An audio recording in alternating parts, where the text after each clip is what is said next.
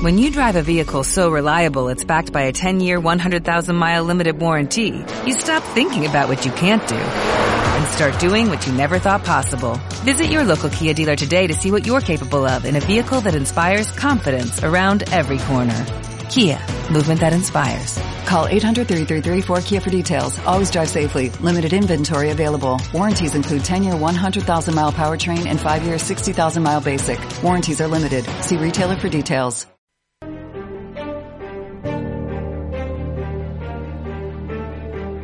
Y les anuncio que el Gobierno va a crear un consorcio público-privado para montar la primera fábrica de baterías en España.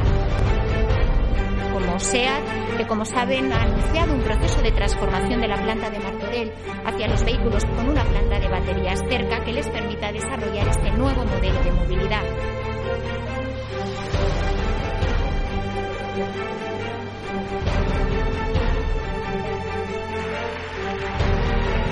Massa persones a Catalunya necessiten cures i esperen compensació dels sacrificis que se'ls ha demanat.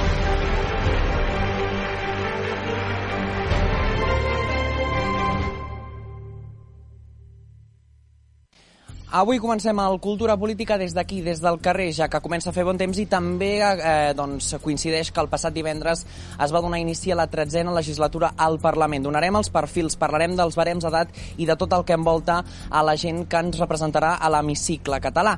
També parlarem, atenció, sobre la fàbrica de bateries elèctriques que possiblement es podria instal·lar a Martorell, ja que però encara no se sap perquè eh, ha obert una gran batalla a les comunitats autònomes. Tot això a continuació. Benvinguts al Cultura Política. Comencem.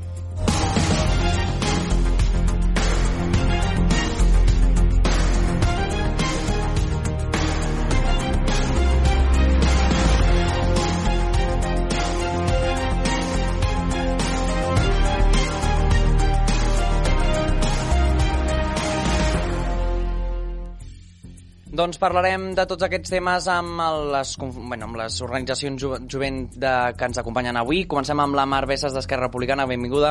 Hola, bona tarda.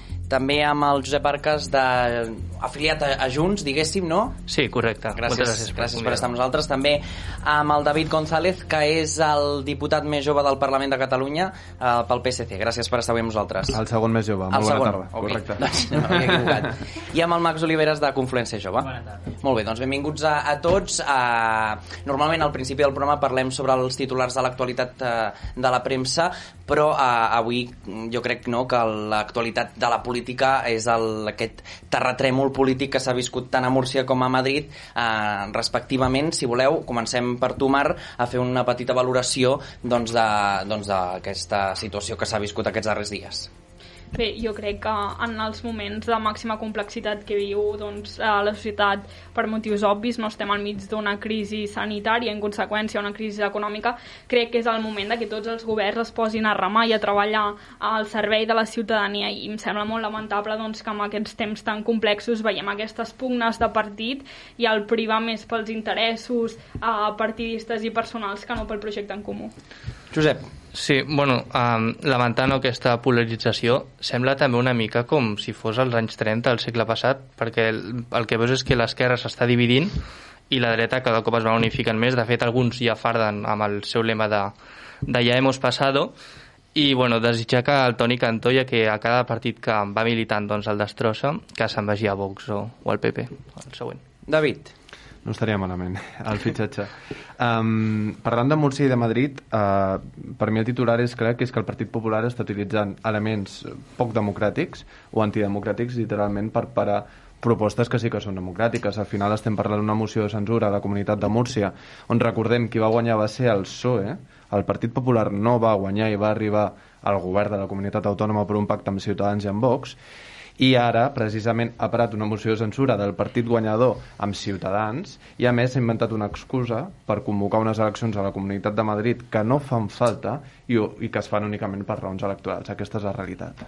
Max. Jo agafo el, el, el fil amb en, amb en David. Apropa't una miqueta més al micro. Vale, que... agafo el fil amb en David. Uh, aquestes eleccions de, de, de Madrid uh, fan bastanta por, sobretot quan hem vist que Díaz Ayuso afirma que vol pactar amb Vox, que no té cap mena de, de por de reparo en pactar amb Vox i és això, s'ho ha fet uh, per interessos electorals i doncs crec que aquestes eleccions de, de Madrid són importants per, donar-li un, un tom a l'assemblea. Doncs, si us sembla, parlem d'això amb una catalana. Ella és advocada, empresària i política. Uh, fins ara era, regidora de, de Barcelona, l'Ajuntament de Barcelona per Barcelona pel Canvi, uh, aquesta organització que donava suport a, a, a Ciutadans, i ara també és diputada al Parlament de Catalunya pel PP. Per tant, és les dues organitzacions que estan en confrontació tant a Múrcia com a Madrid. Gràcies per estar amb nosaltres, Eva. Uh, benvinguda al programa. Hola, benvinguda. La, de, de fet, nosaltres a Barcelona pel canvi ens vam separar eh, de Ciutadans eh, 24 hores després de la, de la investidura del govern de l'Ajuntament. Eh? Vull dir, no, no, som un grup molt separat de Ciutadans, no tenim res a veure. El que et volia... El, però bé, la, la, la campanya la veu fer com a partits sí, la, la vam fer en coalició. Sí, sí, la vam fer en coalició amb ells. Mm. El, el que et volia preguntar, com has vist tota la situació que s'ha viscut tant, tant a Madrid com a, com a Múrcia? Bueno, jo ves, eh, visc la, la situació de la política en general amb, amb bastanta preocupació, no? perquè jo crec que la, la gestió i la recuperació econòmica és el que hauria de presidir el, el debat polític, no? i malauradament eh, són els últims temes que estan en el debat polític, eh, no a Múrcia i a Madrid, sinó a, a, a tot arreu. No? Um, I això és, ens hauria de, d'interpel·lar a tots, especialment als ciutadans, no? que hauríem de reclamar eh, més parlar de gestió i de recuperació econòmica. Si vull fer un apunt al, al, al diputat del Partit Socialista que ha fet un, una valoració, em sembla, un, un tan agosarada, no? Eh, dient que el Partit Popular estava fent, eh, utilitzant instruments poc democràtics eh, eh, perquè no va guanyar les eleccions i va fer un pacte. Eh, jo els recordo que el seu partit està governant a l'Ajuntament de Barcelona sense haver sigut la força que va guanyar les eleccions. Això és perfectament democràtic, dir, aquests pactes de, de govern són molt lícits, les mocions de censura són molt lícites, eh, no comparteixo eh, com s'ha fet aquesta moció de censura. Crec que una moció de censura és l'últim instrument que s'ha d'utilitzar i que s'ha d'utilitzar per coses molt greus.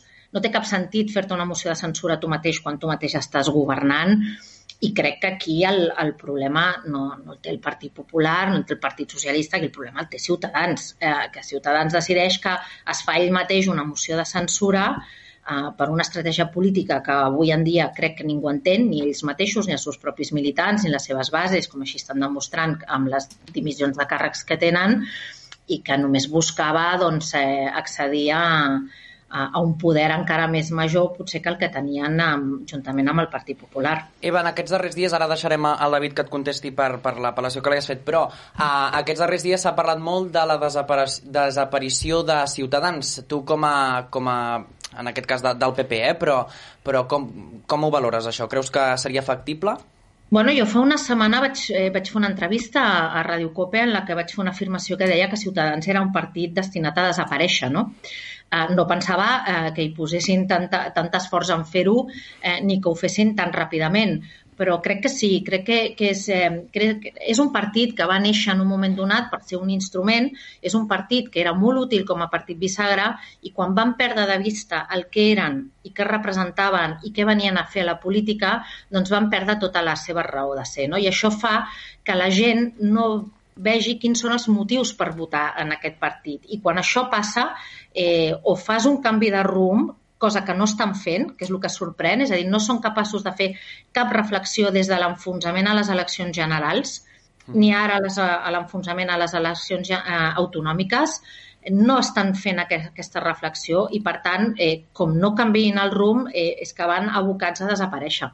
Mm, perfecte. Doncs deixem al David González, en aquest cas del PSC, que, que et contesti a l'apel·lació que l'has fet. Endavant. De fet, comparteixo gran part de la reflexió que estava dient l'Eva, però no, no el titular no, concret, i, és que quan, quan ens referíem als elements poc democràtics que s'estan utilitzant, eh, precisament per aquesta qüestió en la comunitat de Múrcia, en aquest cas, ens estem referint a, un, a una situació que recorda bastant el tamallazo. Hi ha una situació que al final el que s'està fent és que s'estan utilitzant a tres persones trànsfugues que han estat escollides en una llista, que en Espanya tots sabem que són llistes tancades, que són llistes que s'escull el diputat o diputada però d'una única opció política, i s'estan escollint o utilitzant a tres trànsfugues precisament per mantenir-se en el poder uh, un govern que no serà el mateix, perquè el govern al final, si era entre Ciutadans i Partit Popular i ara Ciutadans ha dit que trenca, aquest govern no existeix, aquest govern no continua i està utilitzant la meitat de sis diputats, que són tres, per, per mantenir-se en el poder. Això és el que estem dient que és poc democràtic. No una moció de censura. Evidentment, una moció de censura és perfectament democràtica, és l'eina que va utilitzar, per exemple, el PSOE o el Pedro Sánchez per poder arribar a president del govern i era que s'hauria d'haver fet correctament a Múrcia. Eva, no, des de si vols, ràpidament, si us plau. És que no ho comparteixo en absolut. O sigui, qui, qui és transfugant en aquest cas no són els tres, eh, eh, els tres membres de Ciutadans, és el, és el propi partit que decideix, eh, que decideix associar-se amb, amb el Partit Socialista per fer una, una moció de censura en, en contra del govern en què ells formen part. I els tres membres que han decidit no seguir aquesta moció de censura es mantenen en el govern en el que estaven. No estic d'acord. A més a més, tothom és lliure de canviar d'opció política. Vosaltres teniu un, un diputat que era, eh, que era d'esquerra, eh, que, que, que era Partit Socialista passat a Esquerra eh, i heu vist com, com diputats vostres han canviat d'Esquerra Republicana, el propi Ernest Maragall. Això és molt lícit. Eh, no, no em sembla, això és molt lícit, cadascú justifica els seus motius. Ara no estic d'acord que això sigui ni antidemocràtic i molt menys que aquestes tres persones siguin les trànsfugues. Ho és el propi partit. Molta barbatat, David. No, que la moció de censura en el sistema parlamentari que, parlamentari que tenim és contra el president, és contra el president del govern, i el president del govern de la Comunitat de Múrcia és del PP. La moció de censura no és contra el govern, és contra el president perquè caigui un president i automàticament es posa un altre president. Per això és un element poc democràtic. Doncs moltíssimes gràcies, Eva Parera, regidora de Barcelona pel Canvi, ara en aquest cas també diputada al Parlament de Catalunya pel PP. Gràcies, bona tarda. A vosaltres, adeu. Una abraçada. Doncs, si us sembla, nosaltres eh, comencem el primer debat. Donem ja eh, per començar aquesta legislatura número 13 al Parlament de Catalunya.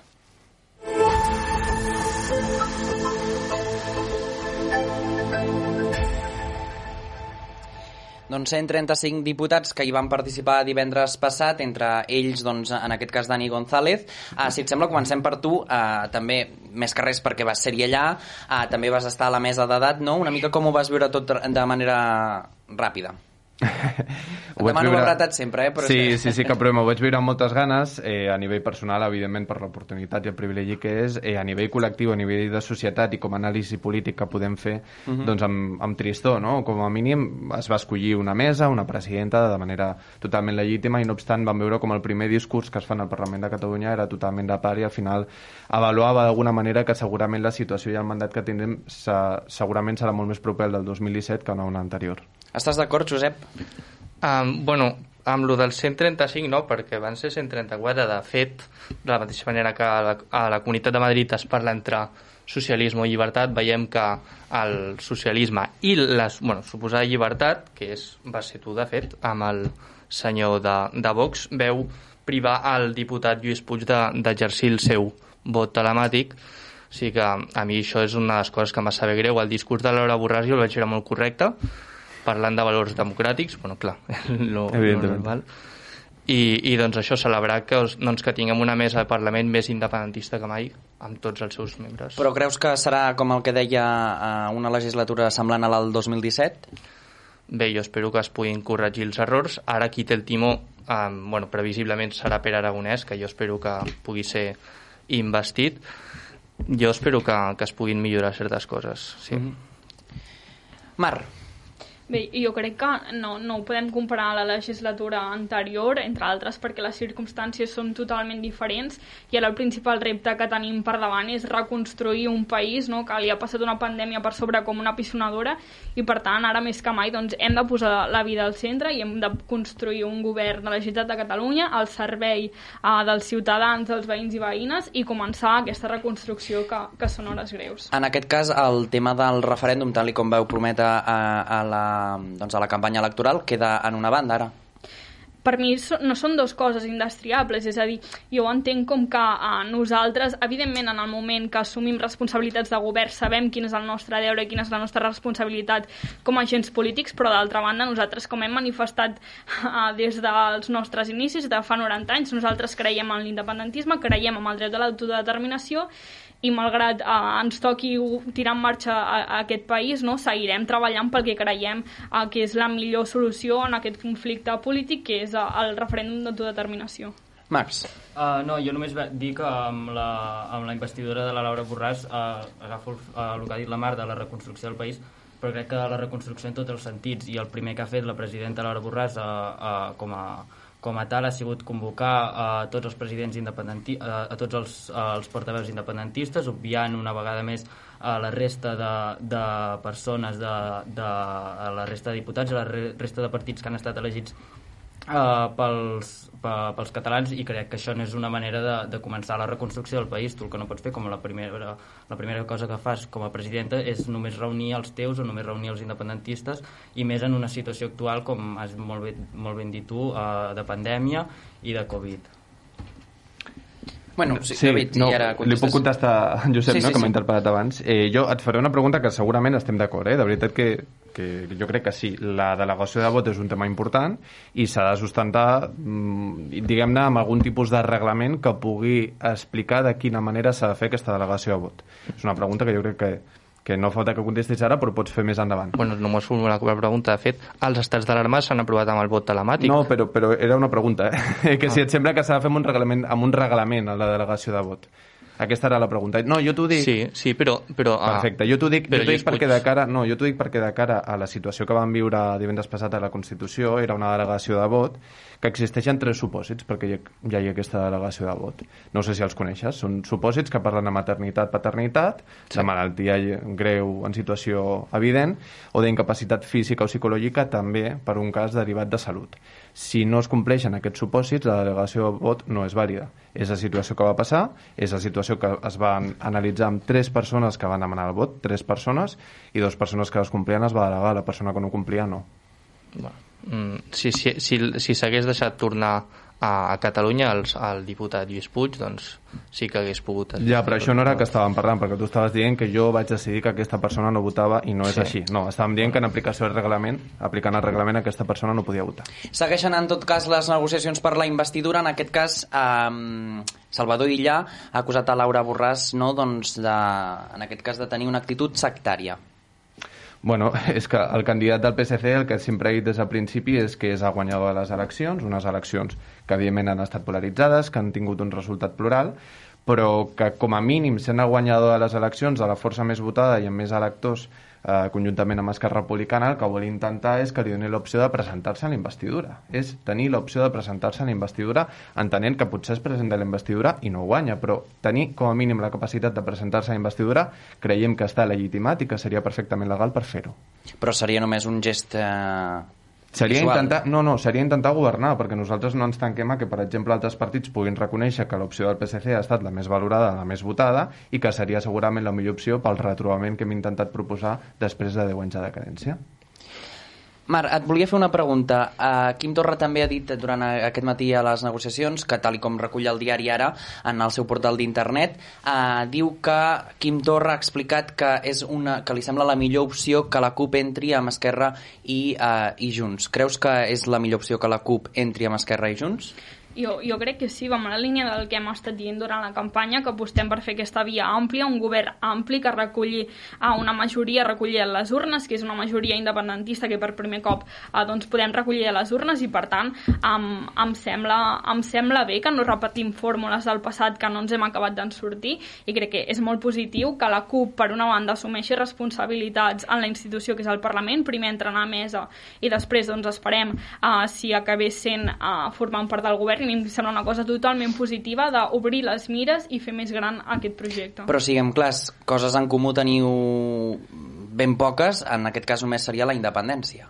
Bé, jo crec que amb la CUP ens hem entès molt. De fet, eh, hem pogut treballar en, en moltes parts programàtiques, per exemple, doncs, en, en, en la setmana de les protestes per l'empresonament de Pablo Hasél, eh, tant Esquerra com la CUP es van poder reunir, van posar sobre la taula tota la problemàtica que, que creiem que hi ha darrere del Departament d'Interior i es van arribar a acords i a negociacions molt positives perquè hi ha un mateix encaix i hi ha una man mateixa manera d'afrontar les coses. Per tant, crec que seria molt positiu en aquest sentit. Max. No, jo només volia respondre amb ell que ha dit lo de l'oportunitat de Salvador Illa de presentar-se a les eleccions. Com he dit abans, crec Et costa't una miqueta més al micro? Com he dit abans... Acosta't al micro, si vols. Ara. Com he dit abans, perdó. Uh, crec que no és el moment de simbolisme. Salvador Illa va dir en campanya que en el seu govern no hi hauria independentistes. Això és obviar, um, bàsicament, amb, la, amb, la, amb el amb els escons que hi ha ara és que, és obvi que ha d'haver-hi independentistes en el pròxim govern, llavors per fer una investidura perduda per ser els ciutadans de, del, del 2017 crec que no fa falta que, que Salvador Illa es presenti les eleccions, hem, estem en pandèmia, ai, que es presenti la investidura, estem en pandèmia, hem d'anar ja a, a, fer un, a, a tenir govern. Uh, també l'independentisme ha portat aquest matí, a, bueno, aquesta migdia tarda, a la llei d'amnistia al Congrés. Quina valoració en feu d'això, si vols nosaltres David. sempre hem defensat que l'amnistia no, no entenem que té cabuda en la situació que hem viscut durant aquests anys i amb il·lícits penals que crec que des de diferents formacions política, polítiques sempre s'han reconegut, que han existit, eh, que persones del món de dret sempre han, han reconegut que han existit aquestes. Eh, pensem que el retrobament s'ha de fer d'altres maneres, que hi ha altres vies, estan tramitant les peticions d'indults, veurem de quina manera acaba. Tot això té un camí, tot això té una oportunitat, però pensem que el que actualment està demanant la ciutadania és una alçada de mires diferent per part del conjunt de la política i dels representants del Parlament de Catalunya per de quina manera es pot conformar aquest govern i quines són les polítiques que es poden fer des d'aquí, des de la Generalitat de Catalunya i el diàleg que es pot entablir amb Madrid una vegada tinguem aquest govern. Veig que vosaltres no estàveu gaire d'acord amb el que deia. No. Ah, bueno, sí. sí. Potser, potser el retrobament deu ser retirar el tercer grau als presos polítics, no? Bueno, en qualsevol cas, um, compartir no, aquesta visió de que entrin els partits, bueno, dels tres partits independentistes amb representació i també celebrar doncs, que bueno, a la campanya es parlava d'incloure en Comú Podem. A mi m'alegra doncs, que bueno, des d'Esquerra Republicana almenys ho hagis dit tu a títol individual que els, els comuns doncs, això no, no entrin al govern perquè és que tampoc, hi ha, tampoc aportarien gaire per, per la, per la independència. No és com vosaltres tampoc haguéssim entrat, vull dir, és, és, és mutu, tranquil. Però estàs d'acord en que... En que unes acusacions entre uns i altres, eh? però estàs d'acord en que no haguéssiu sigut útils en el tema, en el tema de la independència, és, és clar, però, però amb altres gestions? Nosaltres tenim clar que haguéssim sigut útils en un govern d'esquerres, de, en un govern que que parlés d'emergència de, climàtica, que parlés d'invertir en sanitat pública i que es deixés d'estar de simbolismes, de pancartes, com hem vist en els últims tres anys de govern de la Generalitat. En aquest cas també, fa uns dies que uh, Jessica Albiach lamentava el fet de que s'hagués, que no, bueno, que en aquest cas Esquerra Republicana no hagués parlat amb vosaltres en aquestes negociacions, no? Bueno, està clar que Esquerra mm, sempre que pot acaba mirant a, a Junts, llavors ens lamentem però és algo que ja estem acostumats jo crec que el que han de fer els companys tant del PSC com dels comuns és veure que ells dos ah, no sumen i que no poden repetir el pacte que tenen al Congrés dels Diputats i que per tant ah, s'han de poder obrir les mires i dir amb qui estarien disposats a formar el seu govern, si serà amb el suport de Ciutadans, PP i Vox o, o quina fórmula aposten vostès. No suma això aquesta, aquesta fórmula no suma. Bueno, jo els hi pregunto quina, la nostra. quina, és la seva, quina és la seva proposta de govern, perquè només són crítiques i tot és culpa no, d'Esquerra Republicana, jo, jo una, però si voleu, eh? em costa veure propostes la en aquest àmbit. La nostra proposta de govern ha sigut, la vam dir al principi, era un tripartit, llavors es va veure que hi havia vetos creuats, van proposar una fórmula d'Esquerra i Comuns amb el suport extern perquè també entenem que el PSC doncs, ha, de ser, ha de ser coherent i l'Esquerra en el govern de l'Estat ha fet sessions, ara potser crec que seria més raonable que aquí el PSC les fes a, a, la Generalitat i un govern d'Esquerra de, i Comuns eh, amb el suport extern de, del PSC que treballés per, per la gent de Catalunya. Jo proposaré una diferent, eh, en tot cas, que el partit que ha guanyat les eleccions i que té més escons doncs pugui governar, si li interessa en comú podem poder formar part d'aquest govern estaríem encantats. Aquest govern necessita independentistes i Salvador ell va dir que no volia independentistes al seu govern. Sí, però la nostra proposta no és aquesta, la nostra proposta és que conformem nosaltres govern i que si en comú podem, ho torno a dir, si voleu participar doncs estaríeu convidats i evidentment I amb, amb l'abstenció o la possibilitat doncs, per poder portar a terme aquest govern de, de part de la resta de partits que han estat representats al Parlament, evidentment sempre excloent a Vox, que ho hem dit per activa i per passiva. Un, uns altres d'aquests temes dins de la dins de l'inici de, la, de la legislatura, avui em costa parlar, eh? Dins de l'inici de la legislatura el passat divendres va ser aquesta entrada de Vox on a Santiago Abascal va ser agredit per un home a, es veuen en imatges, ara mateix no, no les tenim preparades, però um, bé, que, quina valoració en feu també doncs, de, que, de que Vox entri al Parlament, en aquest cas tu vas compartir la mesa d'edat amb, és veritat, que té 24 anys el, el, el membre de Vox més jove. Uh, com ho valoreu? Jo d'això m'agradaria destacar que crec que és molt positiu l'acord que arriben als, uh. -huh. als partits, excepte Ciutadans i PP, per fer aquest front comú de barrar el pas al feixisme, de no donar-li ales i de saber rebatre els amb arguments i de fer aquest cordó sanitari no? doncs per protegir uh, tots els drets de, doncs, de col·lectius que, que, que aquest partit reiteradament uh, discrimina i que atenta contra l'odi i entenem que això no hi pot tenir cabuda en el Parlament de Catalunya i crec que és molt positiu, sincerament, el, aquest acord on, on hi participen les formacions polítiques que avui estem aquí. Sí, subscriure la, les paraules de la meva companya Esquerra Republicana, però de fet això de que Vox hagi entrat era una cosa que passaria tard o d'hora. Uh, això és conseqüència de que Ciutadans doncs, va endurir molt el seu discurs, anar fent les seves performances i ara han canviat de color, han passat de ser de color taronja a ser de color verd. Ara per sort ja no són tants, però sí que també lamentar doncs, que no hagin eh, firmat, crec que era un paper, bueno, tu, tu saps que ets diputat, no? un, conforme al tema de, algú de drets ètics o alguna així de... no sé què era... Exacte. Un pla d'igualtat. Això. I no ho han firmat, doncs ja fan una mica doncs, per generar una mica el titular. I... De fet, també ha sigut l'organització que s'ha negat a, a, doncs, a mostrar a nivell de transparència el que, el que tenien retingut a nivell de diners. Uh, també, bueno, no sé si voleu fer una valoració d'això, que han sigut els únics que no...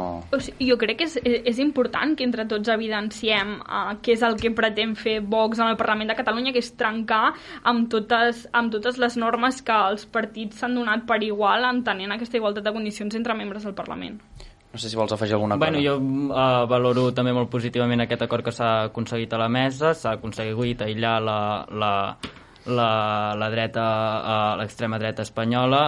Crec, uh, creiem que també seria important uh, aïllar i també de cara al govern uh, la xenofòbia d'alguns membres de, de Junts per Cat i crec que aquí també la meva companya d'Esquerra hi hauria d'estar una mica d'acord m'agradaria saber quin, quina xenofòbia parles, perquè... La, pues, de la, per Canadell, exemple, no? del, del número 3 de, de Junts, el senyor Canadell, sobre hi ha algun, algun tuit en concret? Perquè jo, dic, Ui, jo tinc, jo tinc tuits dels comuns de que parlaven de ficar molts. a votants de Junts per Catalunya en una espècie de gueto i algun proposava inclús quedaqués com a ciutat. Uh, afirmar per exemple que el, els espanyols són, són colons Mm, paraules com aquestes. Bueno, aquests. els policies que van venir l'octubre per mi sí que serien colons, així que el raó no li falta. No, no, no parlava de, no parlava de policies. Va.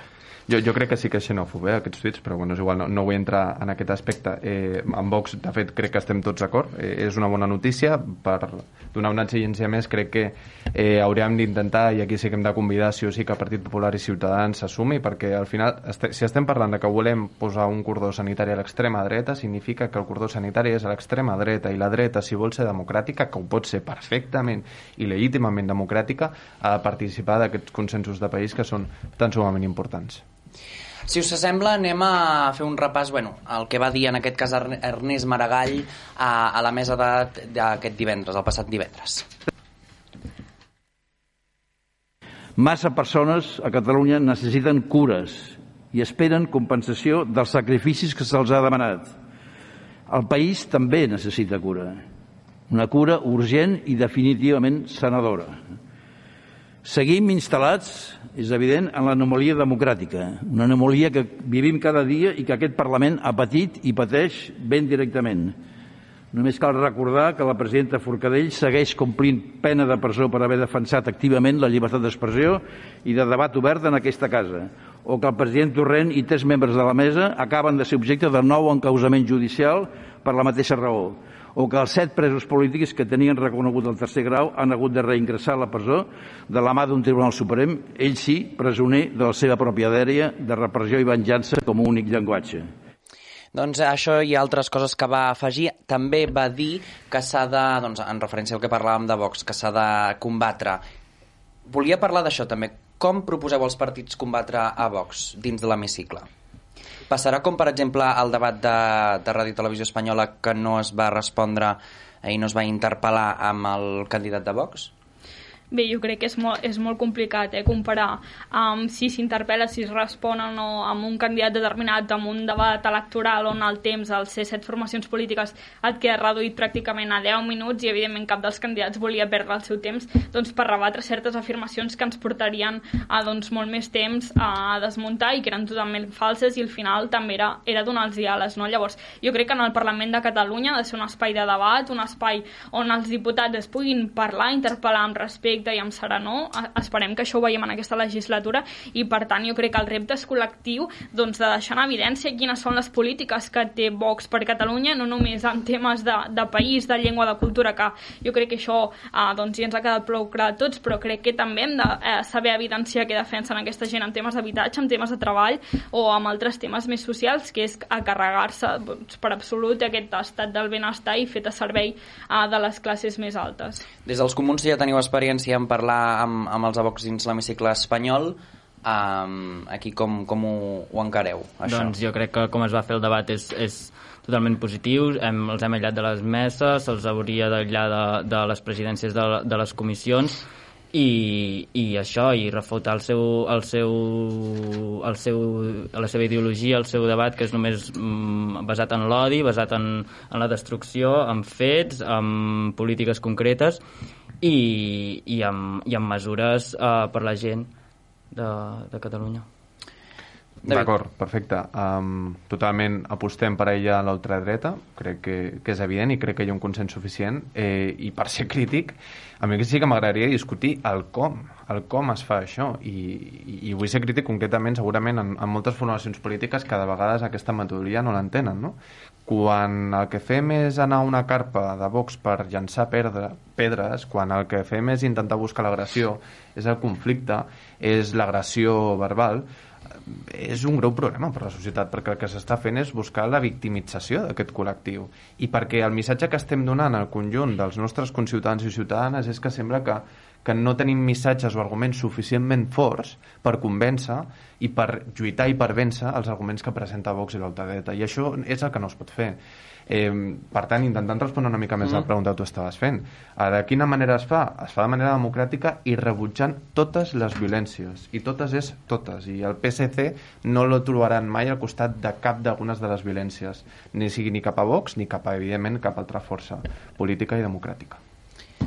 Josep, no sé si vols afegir alguna coseta. Bueno, sí, crec que ja ho han, ja ho han dit tots els meus companys, però sí, en debatre des de la racionalitat, amb dades, amb veracitat, i si diuen alguna tonteria, doncs simplement ignorar-la, com per exemple doncs han agafat també una mica el discurs de Ciutadans, no? que s'adoctrinen les escoles catalanes, amb aquest, amb aquest tipus porta molts anys, per tant, doncs, aquest tipus d'afirmacions jo me les passaria pel, Bueno, el Parlament també més paritari. Volia parlar d'això amb, amb vosaltres. Uh, en aquest cas, 64 dones, un total de 135. S'ha parlat en aquest programa, també ho hem parlat molts, molts cops, molts, molts programes, sobre que és una evolució històrica. Uh, a TV3 uh, recordem que es van veure imatges el passat divendres doncs, de, de l'hemicicle del Parlament de Catalunya tot ple d'homes. Això suposo que, que és una imatge positiva, no?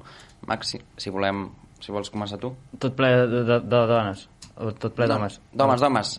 Fa, fa molts anys. Ah, vale, perfecte. Sí, sí, sí una imatge uh, històrica, per sí, això deia. Sí, doncs jo crec que estarem tots aquí d'acord de que és, és, és molt positiu per, per Catalunya, no?, que cada vegada doncs, les, les dones vagin entrant més en política i uh, això es quedi representat en el, en el Parlament i doncs res a dir, totalment a favor i endavant.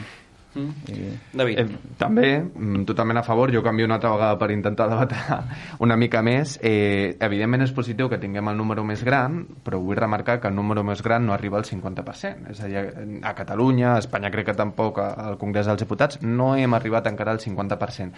Per què no hem arribat encara al 50%? Hi ha moltes explicacions i molts estudis que poden declarar quina és la situació per la qual les dones participen menys a la política que els homes, acompanyat de tota la societat masclista i patriarcal que vivim, d'acord?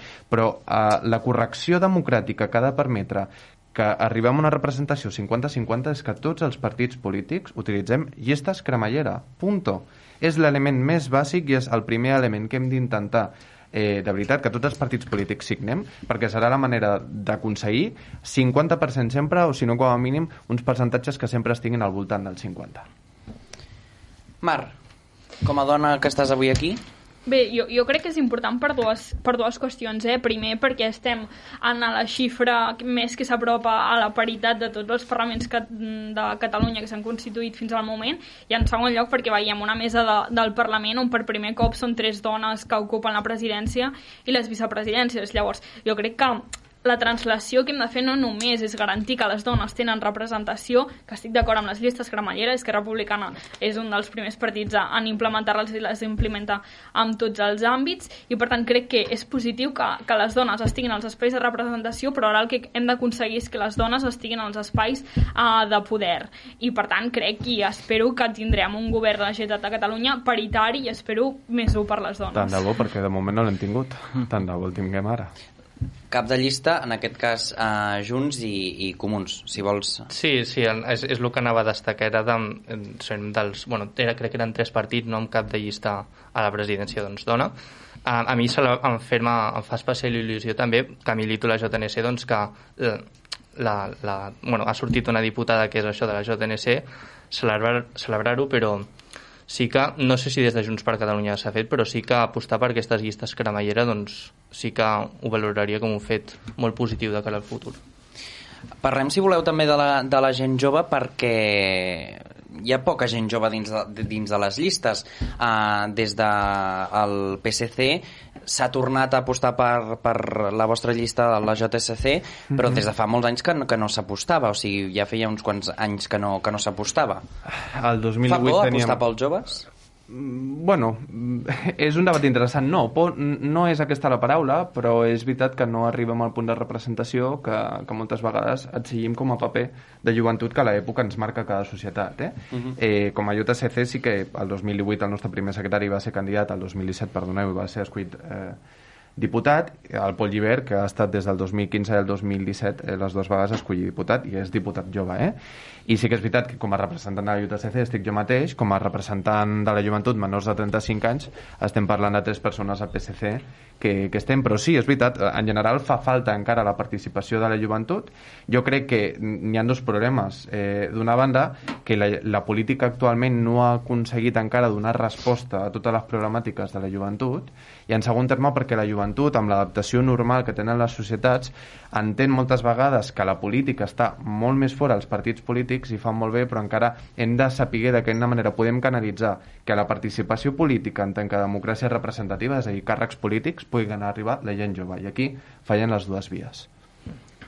Max, no sé si vols afegir alguna cosa amb bueno, el que sí, deia. nosaltres des, uh, dintre Uh, dintre en comú doncs, sí que tenia, uh, dels, dintre els nostres vuit diputats tenim persones joves, tenim la nostra número 3, la, la Gés González, el Lucas Ferro, Uh, sí que és veritat que s'hauria d'intentar doncs, aconseguir que la gent jove arribés. També s'interessés potser perquè ha el, jo crec que és, això també és degut al mantra que hi ha de que els joves no ens interessa la política que els joves no participen de política que els joves doncs, bueno, mm, i no és veritat i això s'hauria de veure reflexat també a, a, en el Parlament amb, doncs, de cara a pròximes eleccions i de cara a pròximes legislatures de que aviam si la gent jove pot entrar més Junts en aquest cas seria la formació ara, ara sí. uh, seria la formació que menys ha apostat per, per la gent jove. Bueno, és que la, les llistes de Junts es van fer a través d'unes primàries, llavors, doncs, així la, la més la, la, la que més a l'anava era la Judit Toronjo, però també teníem a, a altres persones, l'Ariadna la, Urroz, crec, la JNC, Miquel Flores, a l'Anthony Corey, que bueno, ell no és de la, de la JNC, però això era sorgit doncs, de la militància interna, es van fer aquestes primàries i doncs, els candidats joves doncs, no, no van poder convèncer a tota la militància. Però ja es, es, es, es dona per fet que els joves anaven més a baix perquè no, no, no, no es tenia ganes d'apostar per ells? O... No, és que la, um, generalment les llistes es van confluir en funció de qui havia guanyat D'acord, perdona, primàries. el que deies les primàries, ok. Sí. Uh, Marta, jo, no, Ai, Mar, perdona. Eh, jo celebro que Esquerra Republicana és un partit que sempre ha confiat que els joves hem de tenir veu i vot en les institucions d'aquest país, no només en el Parlament de Catalunya, que nosaltres també tenim el Pau, que de fet teniu la mateixa edat per, per pocs mesos. Per en l'anterior legislatura teníem la Ruth Ribas, que a més a més era membre uh, de la mesa del Parlament. En les altres legislatures també hem tingut membres del jovent republicà, també tenim a la Marta Rossi, que de 24 anys al Congrés uh, dels Diputats, per tant el compromís que tenim nosaltres per treballar i per donar veu uh, dels, en els joves des de les institucions és, és, és total i no només des del Parlament de Catalunya sinó des dels diversos ajuntaments d'arreu dels països catalans. Doncs, si us sembla, eh, en seguirem parlant quan comenci la, la legislatura en, en el sentit de quan ja tinguem president o presidenta de la, pre, pre, suposo que serà president en aquest cas, eh, eh, de la Generalitat de Catalunya. Esperarem, això suposarem que serà després de, la, després de Setmana Santa, no? Que ja no, tindrem... en principi ha de ser abans. El debat d'investidura està pensat per 10 dies hàbils després de, de l'elecció de la Constitució del Parlament. Per tant, en principi, abans del 26 de març, que hauria de ser divendres de la setmana vinent, s'hauria de fer la convocatòria del debat d'investidura. Doncs eh, estarem atents. Ara el que anem a parlar sobre la primera fàbrica de bateries elèctriques que es volia, entre cometes, instal·lar, a Martorell, tot i que ara ha quedat una mica a l'aire.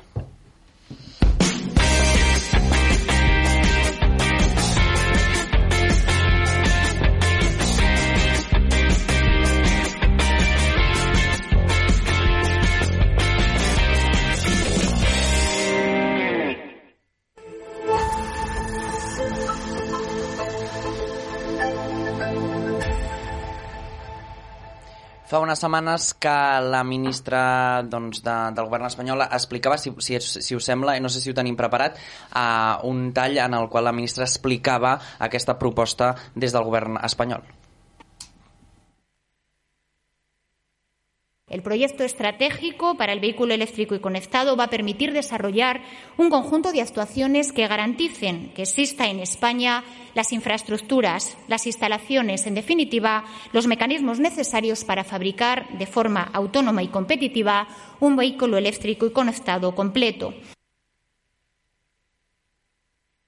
Y les anuncio que el Gobierno va a crear un consorcio público-privado con SEAT, Volkswagen e Iberdrola abierto a otros socios para montar la primera fábrica de baterías en España.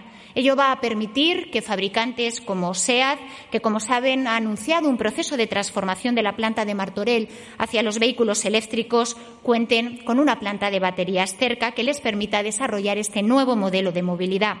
El PERTE va a permitir la integración de todas las capacidades en términos de baterías, de servicios digitales, de cargadores, de industria electrónica, de energías renovables, en definitiva, de toda la cadena de valor de la industria de automoción hasta llegar al vehículo eléctrico y conectado. Doncs això és el que deia la ministra, en aquest cas Reyes Maroto, i ministra d'Indústria, Comerç i Turisme del govern espanyol. Uh, dies uh, després uh, tenia, tenia, tenia programada una visita del rei uh, uh, d'Espanya a la planta de SEAT i la causalitat és que no es va dir res uh, de la instal·lació d'aquesta uh, doncs bé, d'aquesta fàbrica de bateries elèctriques a Martorell. Aquí veiem una, un titular del país, la pugna por la primera fàbrica de bateries en Espanya abre otra batalla territorial i és que diferents comunitats autònomes s'han queixat de que doncs, eh, no es jugués en igualtat de condicions a les, a les comunitats autònomes. Si et sembla, Amar, eh, què et sembla? Bé, jo crec que és una proposta molt positiva que SEAT pugui implementar aquesta fàbrica de bateries ah, i va en la línia la proposta que ja havia fet la Generalitat el mes de febrer, que havia adreçat en el Ministeri, que formava part d'un dels 27 projectes, ah, podríem dir que ambiciosos, no? doncs per acollir aquest tipus d'indústries Uh, de fet, li havien dit al Battery Hub que li, que li volien dir que era la proposta per gestionar els fons uh, Next Generation i que, per tant, va en la línia de, de les propostes que fa la Generalitat de Catalunya en termes de reconstrucció i, i d'avançar cap a un model de transport més sostenible com seria el, el vehicle elèctric. Josep. Sí. Um, bueno, uh, lamentar una mica doncs, que s'hagi deixat de banda una mica la, a la Generalitat en aquest aspecte. Sí que crec que um, a part de, de fer tota, bueno, a part de fer aquestes bateries per, pel tema d'implementar el, el vehicle elèctric, jo espero que mm, si el Parlament es fa lleis així en, en favor d'aquest tipus de mobilitat, doncs que no es tombi des del Tribunal Suprem o el Tribunal Constitucional, que és el que va fer quan el Parlament va aprovar una llei de, de transició energètica, crec que era, i, i doncs això, esperem que el Parlament, si fa aquestes lleis, que no les tombin des de, des de Madrid. Max. Bueno, jo crec que aquí, més que lleis o no lleis, estem parlant de que uh, arriba uh, aquesta proposta, els, el, el representant de Volkswagen, el president de Volkswagen, ve a, a, a Catalunya a visitar la, la fàbrica, ve a, a Catalunya amb una proposta d'una inversió de 5.000 milions d'euros uh, uh, per fer la planta, que generaria 14.000 uh, 14 llocs de treball i en aquesta visita, en aquesta de llances, veiem com la Generalitat no està ni se l'espera uh, per motius doncs, de, de uh, saber uh, prefereixen doncs, quedar-se els consellers a casa seva de, o, o pues, ells sabran el que fan uh, en comptes d'anar uh, en un acte en el qual es pot uh, negociar, es pot parlar sobre aquests uh, llocs de treball, es pot parlar sobre aquesta inversió, es pot parlar sobre aquest, uh, aquesta, aquest projecte de, de, de Volkswagen. Uh, perdona, Sí, sí. puc... Eh, Sí, sí, sí. M'assuno, eh? Totalment d'acord amb, amb el que dius. Jo no sé qui ha deixat de banda la Generalitat, que tu has, tu has apuntat, Josep. No... Sí, Seat, Seat, Seat i Iberdrola doncs, han deixat una banda a la, No van voler anar-hi. No, no, clar, és que jo, jo estava pensant en que estava dient a Max, dic, ostres, però si quan va ser la visita que va venir el president de Volkswagen, al final estava Iberdrola, estava evidentment la cúpula de SEAT, estava el govern d'Espanya, els representants de la delegació del govern i la Generalitat de Catalunya precisament no va voler anar per altres temes, però no per aquests econòmics que era són un, importants. Allò era un besamanos al rei, doncs... No, era l'aposta i l'estabilitat per dir... No, era l'aposta i l'estabilitat per dir és un projecte país, és un projecte molt important perquè jo amb la conclusió que estava fent abans jo ho comparteixo, és, és estratègic és de quina manera volem regenerar la nostra economia i el PERTE, els projectes estratègics de transformació i de regeneració econòmica en un moment de reactivació que és necessari per la crisi de la Covid-19 que estem patint. A mi no em preocupa tant en relació a la pregunta que tu havies fet Um, jo crec que és evident que la resta de comunitats autònomes i la resta de territoris i de municipis poden tenir l'ambició, les ganes i la tentació de decidir que volen intentar aconseguir una fàbrica de primer nivell i un hub com és aquest per fabricar uh, vehicles elèctrics i bateries elèctriques. Em sembla evident. Però aquest no és el problema. El que em preocupa en tot cas és què ens ha passat com a Catalunya, que hem perdut aquesta competitivitat que davant les propostes d'altres territoris per dir, escolteu, vingueu al nostre territori, ja hem deixat de tenir aquesta ja no som tan atractius a cara a la possibilitat de hubs del coneixement i de grans projectes d'atracció, de, de coneixement d'empreses i d'activitat econòmica. Això és greu i aquí estem parlant d'un tema que no és únicament econòmic, és un tema que té a veure també amb la sostenibilitat i quin és el model de futur que volem pel transport al nostre país. Si vols, Marc. Sí, a mi m'agradaria fer un matís, perquè crec que s'han confós coses. L'acte en el que es convoca el rei no és per negociar a la implementació d'aquesta fàbrica de bateries, sinó és per celebrar els 70 anys uh, de la SEAT en aquest cas. Llavors, a mi m'agradaria fer diferents matisos. El que no farà el govern de la Generalitat de Catalunya és retre aquesta pleitesia uh, en el monarca, no? que entenem que ve aquí a fer la, fer-se la foto uh, i marxar, i per tant nosaltres el que farem és tot el suport als treballadors i treballadores a la indústria i evidentment apostem per la reconstrucció, però la fem dia a dia, no un dia venir-nos a fer la foto i marxar. Sí, però dies abans eh, els treballadors estaven a la porta de l'empresa i va ser Salvador Illa el que va anar a, a visitar-los. Eh, per què Esquerra Republicana no va anar? De fet, Esquerra Republicana hi va anar, el, el vicepresident hi va anar el divendres abans precisament a traslladar doncs, a tot aquest suport tant a la indústria com als treballadors i el, el vicepresident ha, ha reconegut que ha mantingut uh, més d'una conversa doncs, tant amb sindicats com amb treballadors com amb l'empresa, ha traslladat el seu malestar també per aquesta presència del rei que, que no acabem d'entendre i els sindicats li han reconegut que um, doncs, per ells també no és, no és uh, una celebració ideal no? que et vingui aquí a, a fer-se la foto i prou i que el titular no ha de ser que ve el rei a la SEAT a fer-se la foto, sinó ha de ser la feina que ha fet aquesta companyia durant 70 anys aquí a Martorell. És que el titular no és que el rei, el titular és quin és el procés de transformació que tenim l'oportunitat en un espai físic, amb una empresa com el SEAT, podem entomar. Aquesta Però, és la situació. És a dir, tu, estàs, insisteixo, eh? eh, tu estaves dient eh, debatre o, al final ficar més d'un debat. Evidentment, tu estàs aquí explicant el debat de monarquia república, que és legítim i que estaríem segurament tots d'acord quin és el model de país que volem entre monarquia i república, però no té res a veure. No, no. Bueno, podeu dir que vulgueu, però és que no té res a veure. Al final, si hi ha una monarquia democràtica, la situació que tenim és que hi ha un acte d'una empresa molt important on ens estem jugant diners d'un fons de recuperació i de reactivació econòmica i aquestes accions, no únicament simbolisme, sinó tota que hi ha darrere no acompanya. Jo estic segur que si tu parles o acompanyes a, a treballadors i treballadores de la SEAT, no sé què els hi semblarà en tot cas, que en un moment on s'ha de presentar unitat, com a mínim per garantir que SEAT ha de continuar i ha de fer repte a totes les situacions a futur, està bé que com a mínim, com a mínim a la foto hi estiguem tots. I després, evidentment, cada dia, com va estar Salvador Illa, jo no sabia que per Aragonès havia estat, si tu dius que sí, et creuré sense És problema, és públic, però la eh? resta... No, Ho no, podeu si tu dius que sí, ja, però jo tot no ho sé, i veniu que com tots, no? Per això et dic que si tu dius que sí, segurament, però que al final s'ha d'estar cada dia, però també s'ha d'estar quan toca. Jo insisteixo eh, que era l'acte de celebració, no era la reunió per acordar si, si l'empresa s'instal·lava a Catalunya o no. I O sigui faig que no també la pregunta, veure, i no faig la pregunta contrària. Òbviament que, té, que tenen coses a veure, però crec que Bueno, són moments sí. diferents i els inputs que has de destacar de cada cosa són molt diferents. I jo em pregunto si el rei està tan a favor de la indústria catalana i aposta tant per ella, per què l'octubre del 17 es dedicava a trucar Però empreses a mi em dona igual, a mi em dona igual el que pensi el rei. A mi em socials. dona igual el que pensi el rei. Jo el que vull és que el govern de la Generalitat, que és precisament el que votem i és precisament el que ha de fer la representació política i democràtica de veritat, que això no ho fa el rei, no. És la política democràtica de veritat. Els governs electors no és únicament simbolisme, un govern de Generalitat és per gestionar, és el que han de fer tot el possible per intentar aconseguir aquesta relació i aquesta estabilitat perquè aquestes empreses i els PERTES es feien a Catalunya i a Martorell tinguem aquesta planta. Per, Per tant, això jo, aquesta estalviem-nos el fiscalització- simbolisme de passejar aquest personatge per tots els o racons el com simbolisme si... de no presentar-se Ah, el- el simbolisme de no presentar-se a l'acte. A mi quan s'estan parlant de 14.000 llocs de treball d'una indústria que suposa el 4% del PIB de Catalunya com si ve el Sun Sun Corda vull dir, a mi el, s'est- hi ha aquesta oportunitat de negociar això i si va tot, és com s'estaven negociant els fons de recuperació a l'estat espanyol uh, en una conferència d'autonomies que també la Generalitat no va voler-hi anar Mm, a mi aquest simbolisme i el que ja estem acostumats, portem 5 anys amb el mateix, Amb pancartetes i tal mm, els crec- 14.000 llocs de treball es, es, es garanteixen governant i traslladant aquest suport i treballant per ell dia a dia, no Ah, només amb un dia fer-se no la us foto. garanteixen- Crec que és una amb cosa vosaltres no i garanteixen, està molt anecdòtica. No sé No, sí, si voleu, uh, també us volia preguntar. Uh, en aquest programa ens hem informat en fonts properes a l'Ajuntament de Martorell, que havia estat convidat en aquest programa. No han pogut assistir al final, però se'ns ha dit, no des de l'Ajuntament, sinó fonts properes, uh, que uh, uh, quan el, la ministra també va assistir quan la visita del rei i el que els hi va uh, doncs, dir és que uh, el fet de posar una l'anunci que, havia, que hem vist i que s'havia fet dies abans no tenia res a veure amb que es fes a Catalunya. O sigui que es va tirar enrere eh, dos dies després de, de venir a, de, de dir aquest comunicat.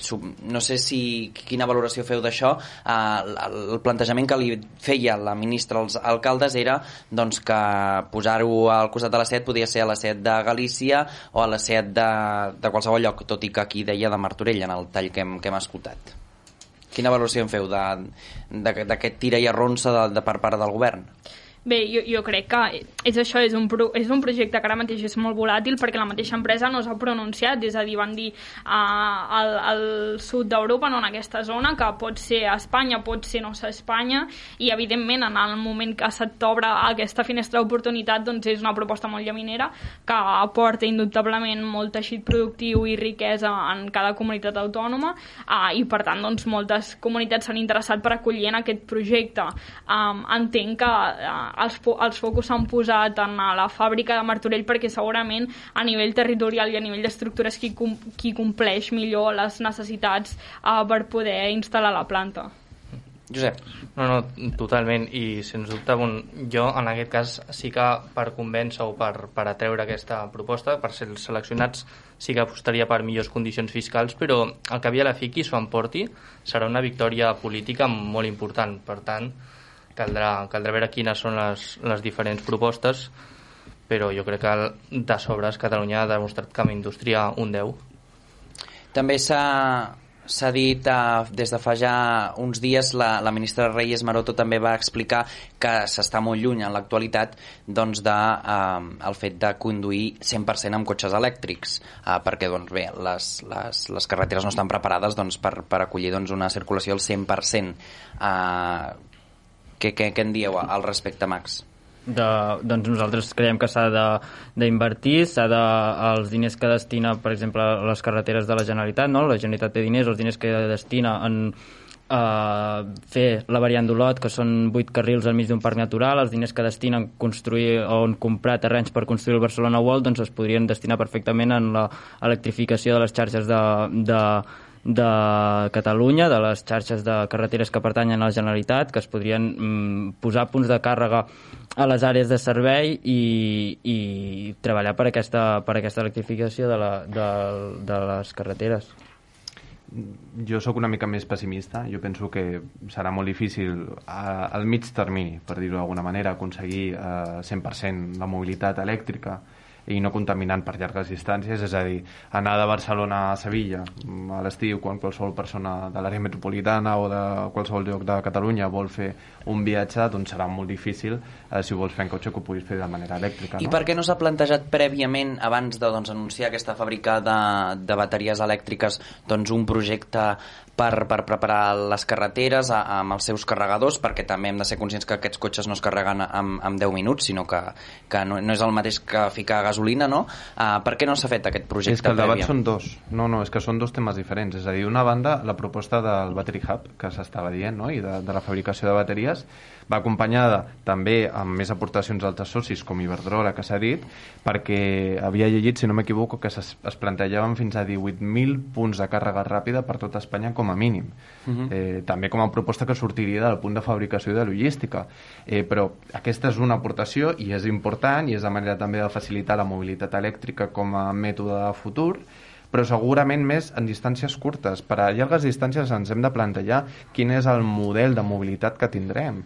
Eh, I ho torno a dir, potser la capacitat d'aquí a 50 anys eh, tindrem una mica menys de capacitat de mobilitat a llarga distància de la que actualment tenim, perquè si aquesta llarga distància implica reiteradament utilitzar gasolina i contaminar, això ens haurem de plantejar perquè ens estem jugant al planeta, que no és poc.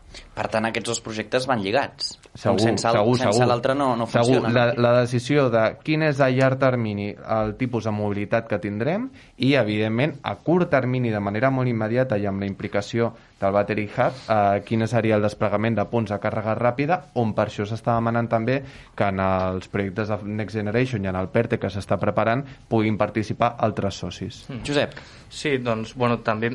Una mica de brevetat perquè així podem fer una ronda final. Sí, eh, bueno, és que tam també una mica hàndicap la, aquest, aquesta política no, de posar carrils bici cada dos per tres, que tu passeixes per Barcelona no saps si allò són carrils o és un quadre d'art modern, perquè jo crec que la Estan clau... separats, eh? És, és, és un No, però és que carril, la el s'ha- el carregat- Hi ha el símbol la- de la bici, ja se sap que és un carril bici, hi ha un, el seu, la seva separació, ha- vull dir, si no, podem- si no ha- veure el símbol d'una bici allà, sí, no sé bueno, què és que hi ha, sí, però hi ha alguns carrers on, per exemple, havien d'anar els bombers i per culpa de la superilla aquesta tan fantàstica, doncs bom- no pot arribar. Els bombers, els serveis poden passar per les superilles, poden, passar, eh, poden circular les Doncs hi ha, ambulàncies un, i poden hi, ha un circular... vídeo, hi ha un vídeo que circula que mm, tenia moltes dificultats i aquestes bateries, doncs el transport elèctric mm, veurem si es podrà si, si et podràs moure adequadament per Barcelona perquè cada cop és més difícil. Bueno, és difícil pel cotxe, eh, estem al segle XXI, hi ha nous models de mobilitat... Però les bateries són pel cotxe elèctric, per això, si anem posant carrils bici, doncs al final tampoc Vale, però és que no el cotxe dintre la ciutat de Barcelona només representa el 30% dels desplaçaments de, de Llonses, la gent majoritària va en metro, la gent majoritària va a, a, es fa desplaçament a peu o va a, en bici, el que no pot ser és que el cotxe segueixi ocupant el 60 o més el, del, el 70% de l'espai de, la, de la ciutat quan només representa el 30% Jo de, no com patinet elèctric i de, transport públic. pues, pel carril bici vas molt bé amb el patinet elèctric. Eh, sí, però és que amb les pintures que em posen... Tenim 3 minuts, Perdó. uh, deixem aquest debat, si us sembla. Mar, acabem amb tu i també amb, amb, el, amb el David. Sí, molt breu, només eh, faré referència al que deia el company dels comuns abans, que m'ha semblat, perdó, un pèl demagògic, eh, dir que les Ah, carreteres estan fatal per culpa de la Generalitat de Catalunya, quan l'Estat també té titularitat de moltes carreteres i estan en un estat deplorable, però faig un punt i a part.